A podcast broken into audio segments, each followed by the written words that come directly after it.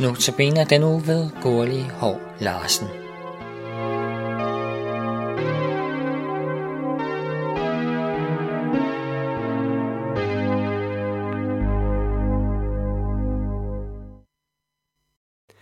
Der er skår i alting.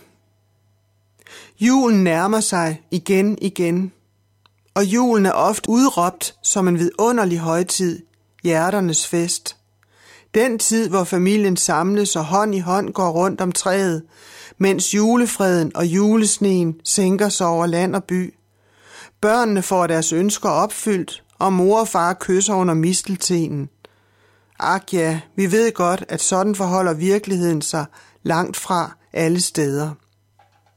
Med den efterfølgende historie fra bogen Håbets Dal af Edna Hong vil jeg gerne sætte fokus på julens kernebudskab, der giver håb og forventning til igen at gå advents- og juletiden i møde. Der er skår i alting. Denne historie handler om en dreng Günther, som virkelig har levet. Indtil han var syv år, boede han hos sin farmor. Fordi han var stærkt handicappet, synes hun ikke, han var nogen ting til. Hun tog sig ikke af ham, og da Günther var syv år, kunne han hverken gå eller tale. Han kom heldigvis på et hjem Betel, hvor kærlige mennesker forstod ham, og han lærte at tale og gå lidt, og var i virkeligheden en intelligent dreng. Günthers bedste ven var Kurt, som var epileptiker og meget syg. De to delte alt sammen. Det var første søndag i advent og Günthers første jul på hjemmet. Alle i akt tog spændt, hvordan Kurt tog et tændt lys og rakte det op mod adventskransen. Men før lyset nåede derop, faldt det på gulvet. Gispende stønnen brød frem fra Kurts læber, og hans krop vred sig i den ene krampe efter den anden. Hurtigt blev Kurt båret ud. Fru Julie havde reddet lyset, og pastor Fritz tændte roligt det høje lys, mens han sang det vers, de lige havde lært. Fru Julie og søstrene begyndte også at synge, og efterhånden faldt børnene ind. Men et skingrende skrig fra Günthers lungers fulde kraft afbrød sangen. Der skår i alting. Günthers forventningsfulde glæde over julens komme var så at sige til intet gjort af den modsatte følelse, hans angst. Hans klage blev til et råb om hjælp. Hvad vidunderligt er der ved julen? Nu var alles øjne forventningsfuldt rettet mod pastor Fritz.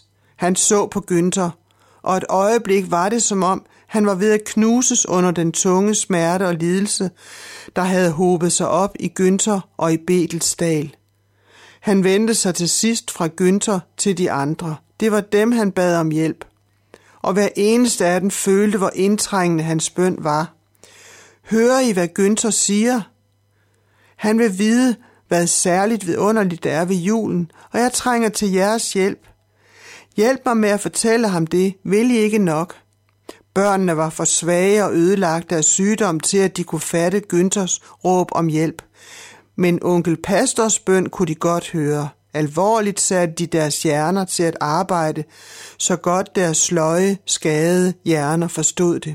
Sådan en bøn om hjælp kunne ikke besvares blot ved en overfladisk brug af hjernen, så meget forstod de. Manfred var den første, der rejste sig op for at aflevere resultatet af sit hjernearbejde. Det er juli december måned.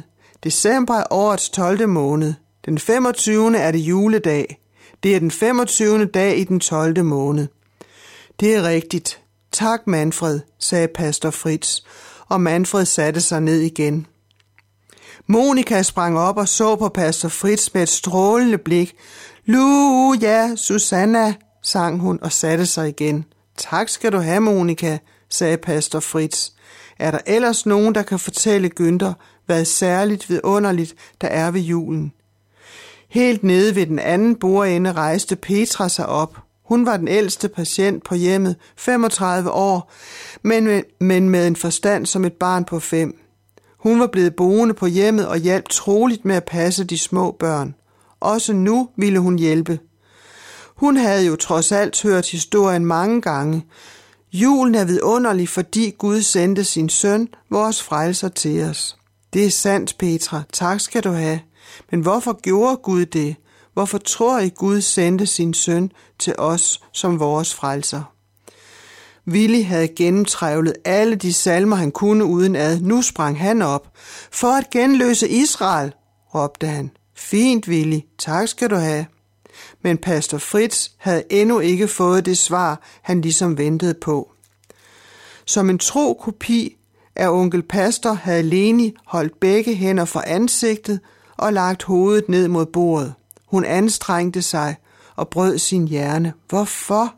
Hvorfor i alverden sendte Gud sin søn til os? Endelig brød et stort lys frem i denne dunkle hjerne. Hun kravlede op fra stolen, op på bordet. Fordi, råbte hun triumferende, fordi der er skår i alting. Med lange skridt gik pastor Fritz hen til Lene og løftede hende op til sig. Hun sad så højt, at hun begejstret kunne kysse hans skaldede hoved. Så knælede pastor Fritz ned ved siden af Günthers stol. Deres øjne mødtes. Af samme vej som smerten var ilet fra den ene til den anden, vendte nu en strålende tillid tilbage. Du har ret, Günther, når du siger, der er skår i alting. Gud ser det skår bedre, end vi gør, og skåret er meget værre, end vi tror, det er. Derfor sendte Gud sin søn fra det himmelske hjem til vores jordiske hjem. Ikke for at klistre skåret, men for at gøre alle ting nye. Derfor er julen så vidunderlig, gynser. Pastor Fritz holdt Leni med sin ene arm og hånd, og med den anden hånd greb han Günthers højre hånd. Denne hånd kommer aldrig til at skrive Günther. Men din forstand er stærk og sund og sand. Jeg vil bede Gud Helligånd, tag din forstand ved hånden og lede den og tålmodigt forklare dig den fulde betydning af Lenis udmærkede svar på dit særdeles gode spørgsmål. Tak, Günther, fordi du stillede det spørgsmål. Tak, Leni, fordi du besvarede det. Lad os bede sammen. Tak, Jesus, at fra spædes og dines mund har du beredt dig lovsang. Tak, at du kom til vores jord, fordi der skår i alting. Tak for alle dem, der hjælper med at hele og læge sår og skår. Tak, at hvis nogen er i Kristus, er vi en ny skabning. Det gamle er forbi.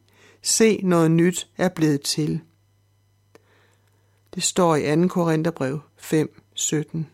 I Jesu navn. Amen.